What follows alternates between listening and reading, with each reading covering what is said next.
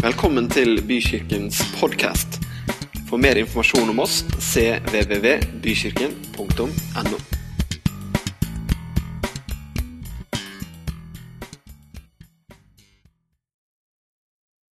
Har dere hatt en fin sommer så langt?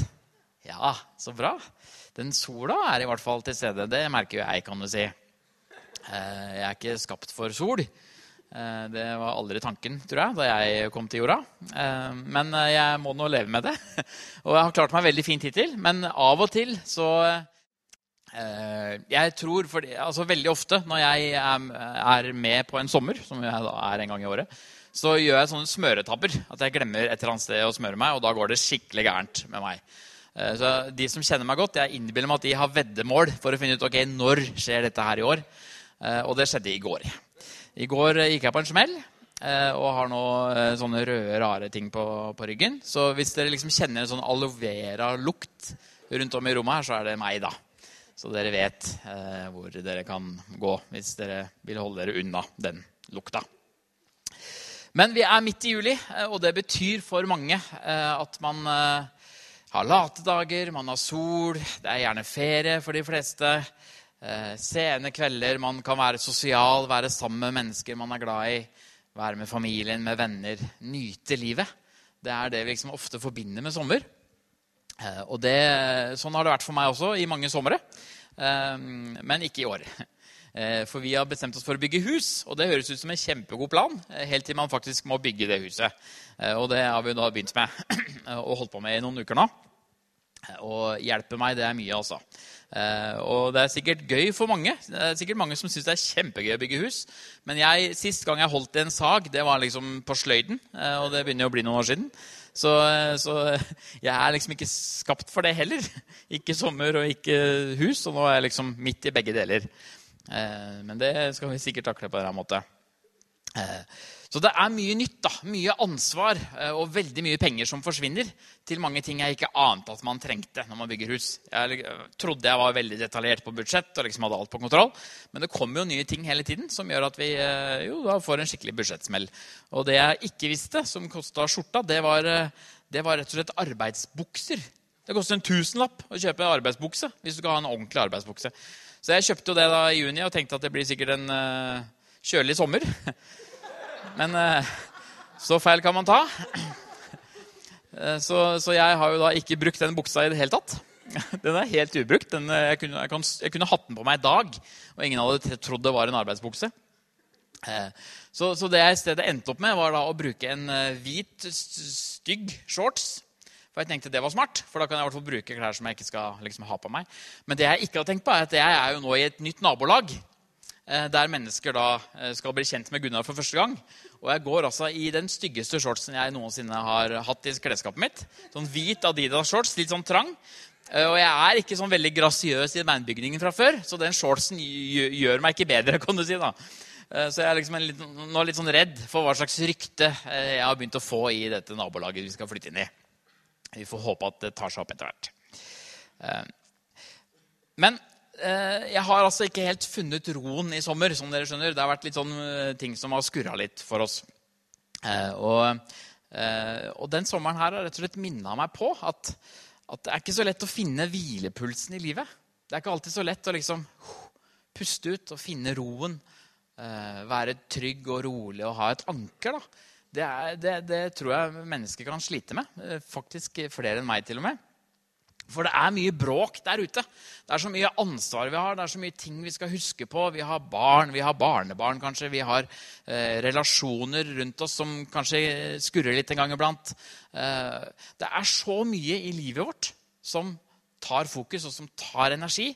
Eh, og eh, kanskje du har eh, mye ansvar, eh, ekstra mye ansvar hjemme, kanskje du har ekstra mye ansvar på jobb. Det er alt et eller annet som, som krever vår oppmerksomhet og vår energi. Eh, Og når man da liksom ikke får henta seg inn i sommer, så blir jeg litt sånn Ok, hva skjer nå i høst? Eh, Det er jeg litt spent på, men det går sikkert veldig fint. Eh, Men det har i hvert fall fått meg til å tenke på dette her med hvilepuls. da.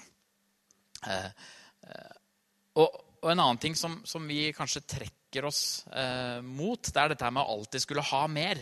Alltid skulle ha et eller annet mer som man ikke har. Og det merker jeg veldig godt når vi bygger hus. For det er så mye valg. Det er så mye ting du kan ha. Det er, liksom, det er ikke grenser for hva du kan kjøpe deg av, eh, av ting inni et hus. Eh, og det, det trøkket der det er litt sånn vondt å kjenne på. At man vil hele tiden ha det beste. Man vil liksom alltid gå litt lenger. Eh, og kjøpe ting man egentlig ikke trenger. For vi, vi skal jo i prinsippet bare ha noen vegger og et tak, og så skal det være ganske tett, og så går det fint. Så, så, man har dette trøkket materialistisk, og du har dette trøkket på ansvar. Og så har vi fått et nytt trøkk i de siste årene, og det er disse sosiale mediene. Som hele tida kliner oppe i ansiktet vårt at oi, alle andre har det så perfekt også. Og de har det så fint, og det er så mye gøy som skjer. Og vi har sommerferie hver dag, egentlig, ser det ut som. Og vi er, på, vi er jo på tur overalt. Uh, og alt er så bra. Uh, så det jeg tenkte vi skulle gjøre nå, er å rett og slett bare se på en liten film uh, som som viser da, eh, hvor perfekt livet kan være på sosiale medier.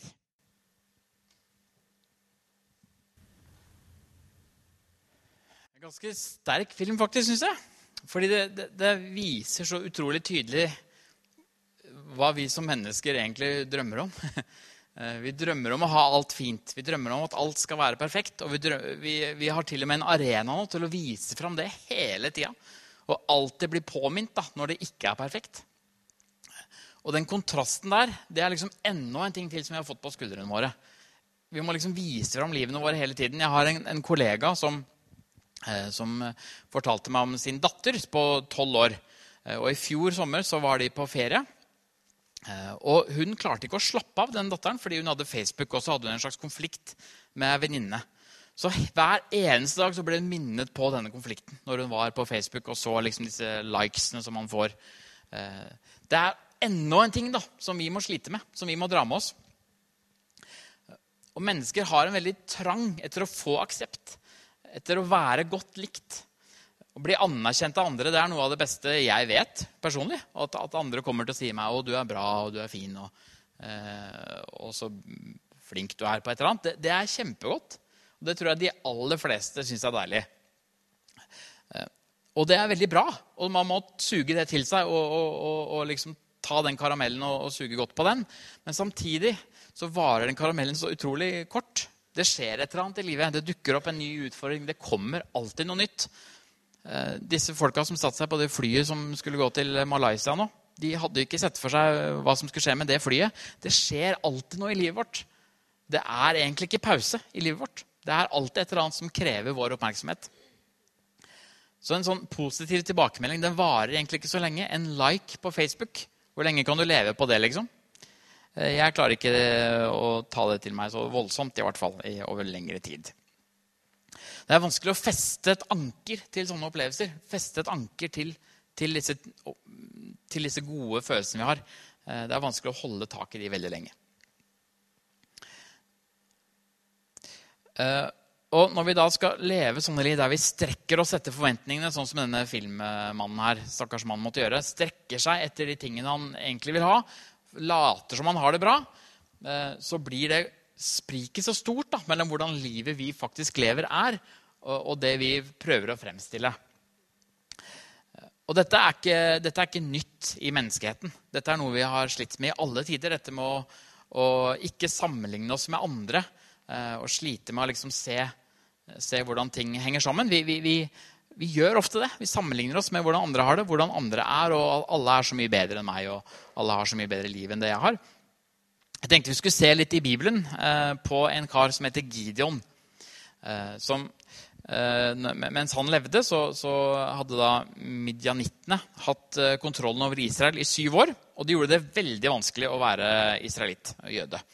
De, eh, de tok alle avlingene til jødene. De, de, tok alt av mat og alt av husdyr. og alle sånne ting. Det, det ble frastjålet israelittene hele veien.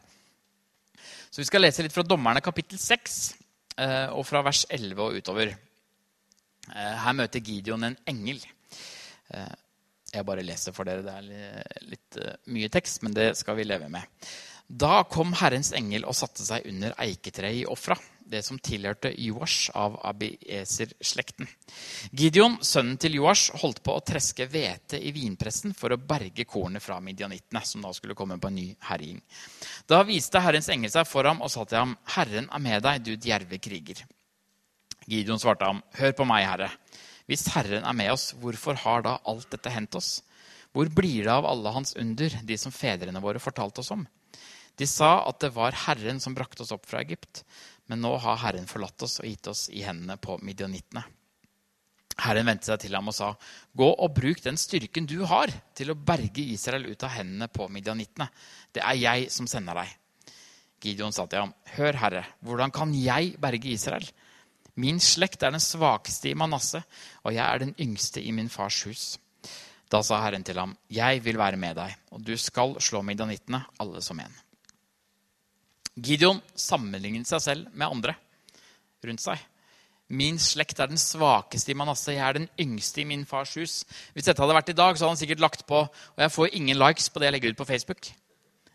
Han, liksom, han, han, han krymper seg sjøl, sammenligner seg med andre. tenker at jeg, jeg får ikke til noe. Jeg har ikke hvilepulsen. Jeg har ikke, jeg har ikke det som skal til.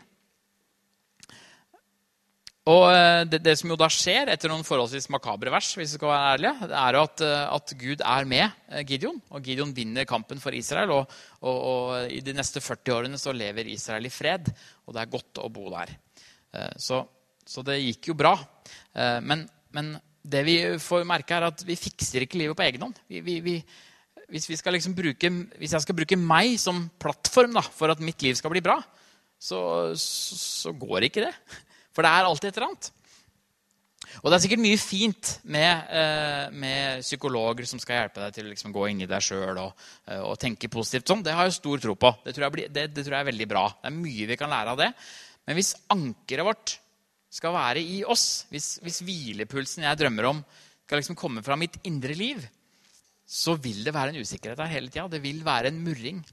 Jeg tror vi aldri kommer til å finne det. Vi finner ikke den roen der. Vi trenger en Gud som er med oss. Vi trenger hjelp. Vi trenger noe utenfor oss sjøl som vi kan feste det ankeret på.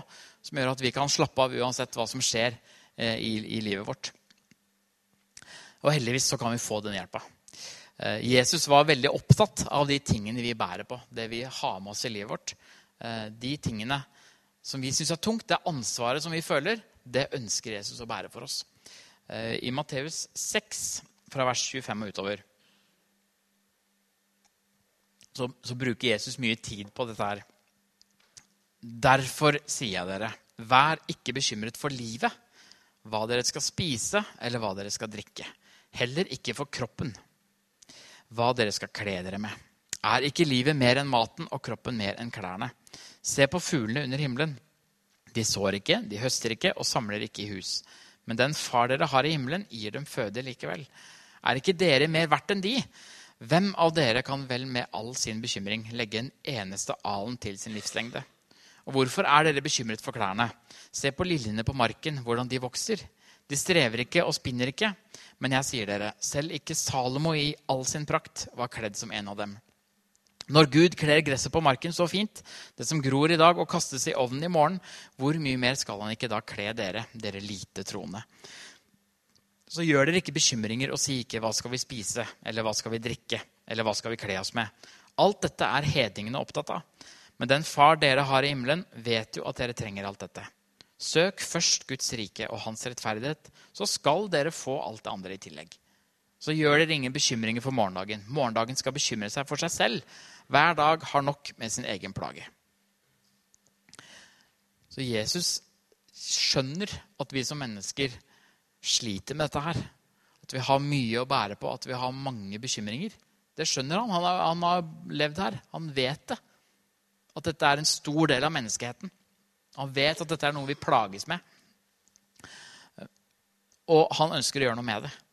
Eh, og, og dette med å ha fokus på riktig sted, dette med å ha dette ankeret utenfor livet, det er det jeg håper du kan sitte igjen med eh, når vi er ferdig med denne praten her i dag at det fins et anker på utsiden av ditt liv som ikke er avhengig av deg. Der du ikke er i sentrum, men der det fins en løsning et annet sted. Eh, men eh, jeg skal si det litt flere ganger, altså, så jeg tror du kommer til å huske det. Ehm, jeg tenker også på, eh, Når vi liksom hører å ikke bekymre deg for hva slags klær du har på deg, og hva du skal spise De fleste i Norge og de fleste som sitter i dette rommet, her, de gjør jo ikke det i dag.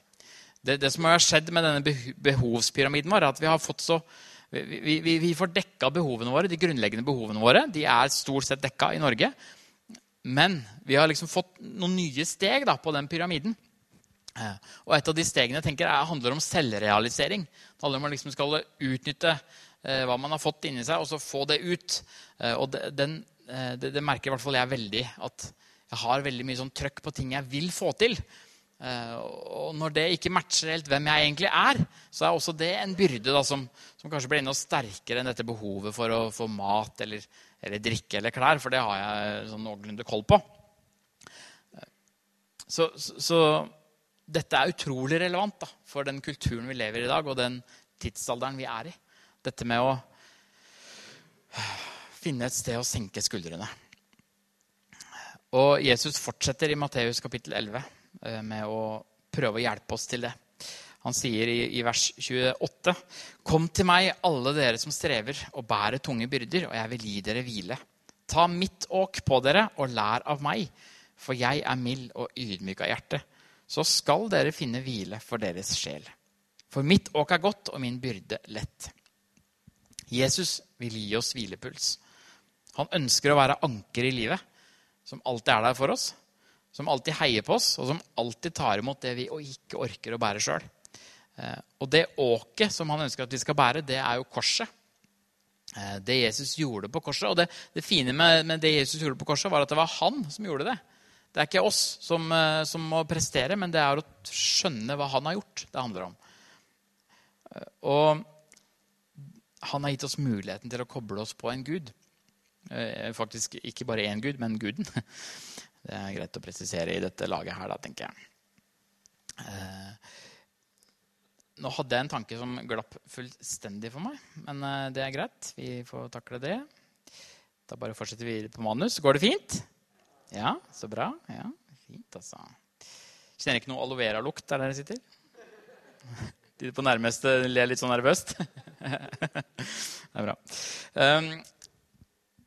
Jeg holder jo da på å bygge hus, og, og dere som nå blir veldig bekymra for hvordan det huset ser ut, så, så, er det sånn at jeg har andre som skal passe på meg og sørge for at det blir bra. og Vi skal ikke gjøre så mye sjøl. Vi holder på å sette opp en kjeller, og så skal liksom andre ta over. Men den kjelleren i seg sjøl kan jo være trøblete, og jeg har alliert meg med veldig mye flinke folk. Eh, F.eks. Torgeir, som går her i kirka. Eh, og eh, jeg blir veldig avhengig av bruksanvisninger på ting jeg ikke er så god på. Da må jeg liksom da må jeg lese en bruksanvisning, og så må jeg liksom stole på at det som kommer ut i andre enden av den bruksanvisningen, det blir riktig. Så vi satte opp en mur på 2,70, og så skulle vi fylle den med betong. Eh, og det som da skjedde på det ene hjørnet, var at den bare fløyt opp ganske mye. Eh, så jeg gikk litt sånn i fistel. Ble veldig spent på ok, hva skjer her nå. For dette var jo ikke en del av bruksanvisningen og ikke en del av resultatet som skulle komme. ut fra det vi hadde gjort. Og når jeg da ikke har eh, kunnskapen, så blir jeg veldig usikker på hva som da er løsningen. Og, og da kommer andre med kunnskap inn og sier at dette her går jo fint. Det er bare å gjøre sånn eller sånn. og dette her ordner seg. For de har et helt annet overblikk over situasjonen enn det jeg har. For jeg har så begrensa med kunnskap på det området. Eh, så, så Torgeir blir litt sånn som Gud, da, på en måte. Eh, at, at han vet hva som skal til for å rette situasjonen. Og Det er noe av det jeg tenker på med å legge byrdene på uh, det jeg bærer med meg i livet. Det kan jeg faktisk gi til Jesus, for han vet jo hva som må til. Han har jo kontroll, han ser hele perspektivet. Han, han, han vet konsekvensen av det som har skjedd, og så vet han hva som skal gjøres for å, for å rette opp i det. Og så har jo vi også noe ansvar, selvfølgelig. Vi kan ikke fraskrive oss det. Men, men han kan være med på det. Eh, for mange år siden så gikk jeg i en kirke der eh, pastoren fortalte om hva han pleide å gjøre hver morgen. Hver eneste morgen. Så nå angrer jeg forresten på at jeg ikke tok sånn bøylemikk. For fordi han tok da begge hendene sine opp sånn. Hver eneste morgen før han, før han eh, gikk opp av senga si, så la han seg sånn. Og så sa han, 'Gud, se her er alt det jeg har å bære på i dag.' Alle mine bekymringer, alt jeg tenker på, alt jeg skal få gjort i løpet av dagen. Alt jeg går og surrer med det ligger her, og nå gjør jeg bare sånn. Nå slipper jeg det over på deg, Gud. Og så skal jeg leve livet mitt, og så skal du hjelpe meg gjennom denne dagen. Og det fokuset på Det å ha noen andre, da, det å ha, noen, det å ha Jesus, kongen, Gud, han som har skapt jorda, med oss på laget, det er fantastisk. han har et annet perspektiv enn oss. Han har en helt annen virkelighetsoppfatning enn det vi har. En helt annen kontroll. Kanskje det er best å legge alt på han. Når vi først tror på han, kanskje det er greit å bruke han eh, litt også. Og så stopper det ikke der. Jesus ønsker at vi skal sette hans rike først. Søk først Guds rike. Eh, og i Guds rike handler det om å elske Gud, det handler om å elske mennesker og å elske seg sjøl. Når vi skjønner det, skjønner hvor viktig den rekkefølgen er, at vi elsker Gud, vi elsker mennesker, så blir ikke det fokuset på alt det vi trenger, så stort. Da blir det hva andre trenger, som, som, som blir stort for oss og viktig for oss å få til. Og da, da klarer vi å dele livene våre med andre da, på en helt annen måte. Da har vi liksom fått en frihet, da har vi fått ryggen litt klar. Eh, han blir det ankeret som gir oss tryggheten til å ta litt sjanser i livet. Han gir oss tryggheten til å leve ut det kristenlivet han har kalt oss til å gjøre. For det er ikke vi som presterer lenger. For det handler ikke bare om hvilepuls eh, i dag. Eh, hvilepuls er et godt utgangspunkt for å prestere. Jeg kan ikke så mye om trening. Eh, det må jeg bare være ærlig på. Eh, jeg, veldig, jeg, snakker veldig mye om ting jeg ikke kan om, merker jeg i dag. Jeg håper det er greit. Ser sånn ut. Halvveis, i hvert fall. Men det jeg vet litt om, er at profesjonelle idrettsutøvere de er også veldig opptatt av å slappe av. Og det kan jeg mye om. Eh, så det kan jeg si litt om. Eh, og eh, for å yte maks som en idrettsutøver så er du helt nødt til å vite hvordan du skal slappe av. Til å vite hvordan du skal restituere deg helt. Til å være helt rolig. Finne hvilepulsen. Men grunnen til at du gjør det da, som idrettsutøver, er jo at du skal prestere. Du skal yte noe, du skal få noe ut av livet ditt. Og det har Gud kalt oss til. Gud har ikke kalt oss til å gå rundt med hvilepuls hele livet og liksom endelig funnet troen. Nå skal jeg bare slappe av resten av livet. Sommerstemningen er her. Det er ikke det Gud har kalt oss til. Uh, han ønsker at vi skal gå videre med våre liv. At vi skal trykke på, men uten å bli stressa. Uten at det skal være mas og jag rundt det. At vi skal ha hvilepulsen til Gud i bånn, og så skal vi jobbe uh, for Han. Gideon fikk en veldig tydelig beskjed. Gå og bruk den styrken du har, til å berge Israel ut av hendene på, på midjanittene. Eh, og det er greit nok. Han skal gå ut og bruke sin styrke. Men det viktigste kommer etterpå. Det er jeg som sender deg, sier Gud. Så når Gud sender oss, så kommer det til å gå fint. Da er det lov å ta litt sjanser. Det med å leve for Jesus uten at det blir kav og mas, og skyldfølelse for alt du ikke får gjort, og alle du ikke har snakka med om Gud. Og, og jeg bruker altfor lite tid med han. og det, det, er så fort å komme i den bølgen der. Men når vi klarer å legge de bekymringene over på Gud, eh, og klarer å faktisk fokusere på dette med at jeg kan slappe av i Gud, og derfor kan jeg leve livet mitt åpent. Derfor kan jeg være sammen med andre mennesker og forsøke å fortelle om hvem han er da får vi et riktig fokus i livet. Da, da slipper vi, den, da slipper vi den der trøkket på alt vi skal få til, og alt vi skal prestere. og alt, Jeg skal være en kjempegod pappa, og jeg skal være helt super på jobben. og jeg skal være Alt på en gang. Jeg skal bygge hus, til og med. Eh, da slipper jeg å få den der trøkken der, fordi jeg veit at det viktigste er faktisk å legge det på Gud. Legge livet på Gud. Gud veit hvordan livet mitt er. Eh, og han ønsker at jeg skal ha plass til andre i livet mitt. Til at fokuset skal være på andre mennesker. Og da kan vi faktisk løpe med hvilepuls, har jeg prøvd å skrive litt sånn uh, lekkert. da. Er ikke det en fin setning? Uh, for, for, når vi da forankrer livene våre i Gud og, og, og, har de trygt hos Jesus, så kan vi ha tro på at vårt liv kan utgjøre en forskjell i verden. Ja. Det var det jeg hadde å si, rett og slett. Så nå tenkte jeg at vi skulle be litt, og så kan dere komme opp, dere som skal synge lovsang imens. Um, takk, Jesus, for at uh, vi får lov til å nyte livet. At vi får lov til å nyte det du har skapt. Uh, den gaven du har gitt oss, som er selve livet. Friheten til å gjøre uh, egentlig hva vi vil. Men at vi også får lov til å bli fri gjennom det du har gjort for oss. At vi kan slippe de tingene som vi stresser med. De tingene som er vanskelige for oss, de som vi ikke klarer sjøl. Det kan vi slippe å gi til deg. Og da får vi lov til å være sammen med deg på en helt annen måte. Og vi får lov til å nyte livet på en helt annen måte òg. Da er vi virkelig fri, da. Minn oss på det, Gud, at, at vi trenger deg i hverdagen. Vi trenger å ha deg som anker i livet vårt. Jeg orker ikke å være bulldoser i mitt eget liv. Gud, jeg vil at du skal, skal, ha kontrollen på det. Jeg vil at du skal ta de tingene jeg sliter med. Sånn at jeg har tid og energi og krefter til de menneskene rundt meg. Sånn at jeg kan få vise i hvert fall litt av hvem du er, til de som ikke har møtt deg ennå. Til de som ikke kjenner deg. Takk, Jesus, for at du er bare kjærlighet. Du er bare nåde. Du er, du er selve ankeret i livet mitt. Det er så godt å vite det. Det ikke avhenger av meg.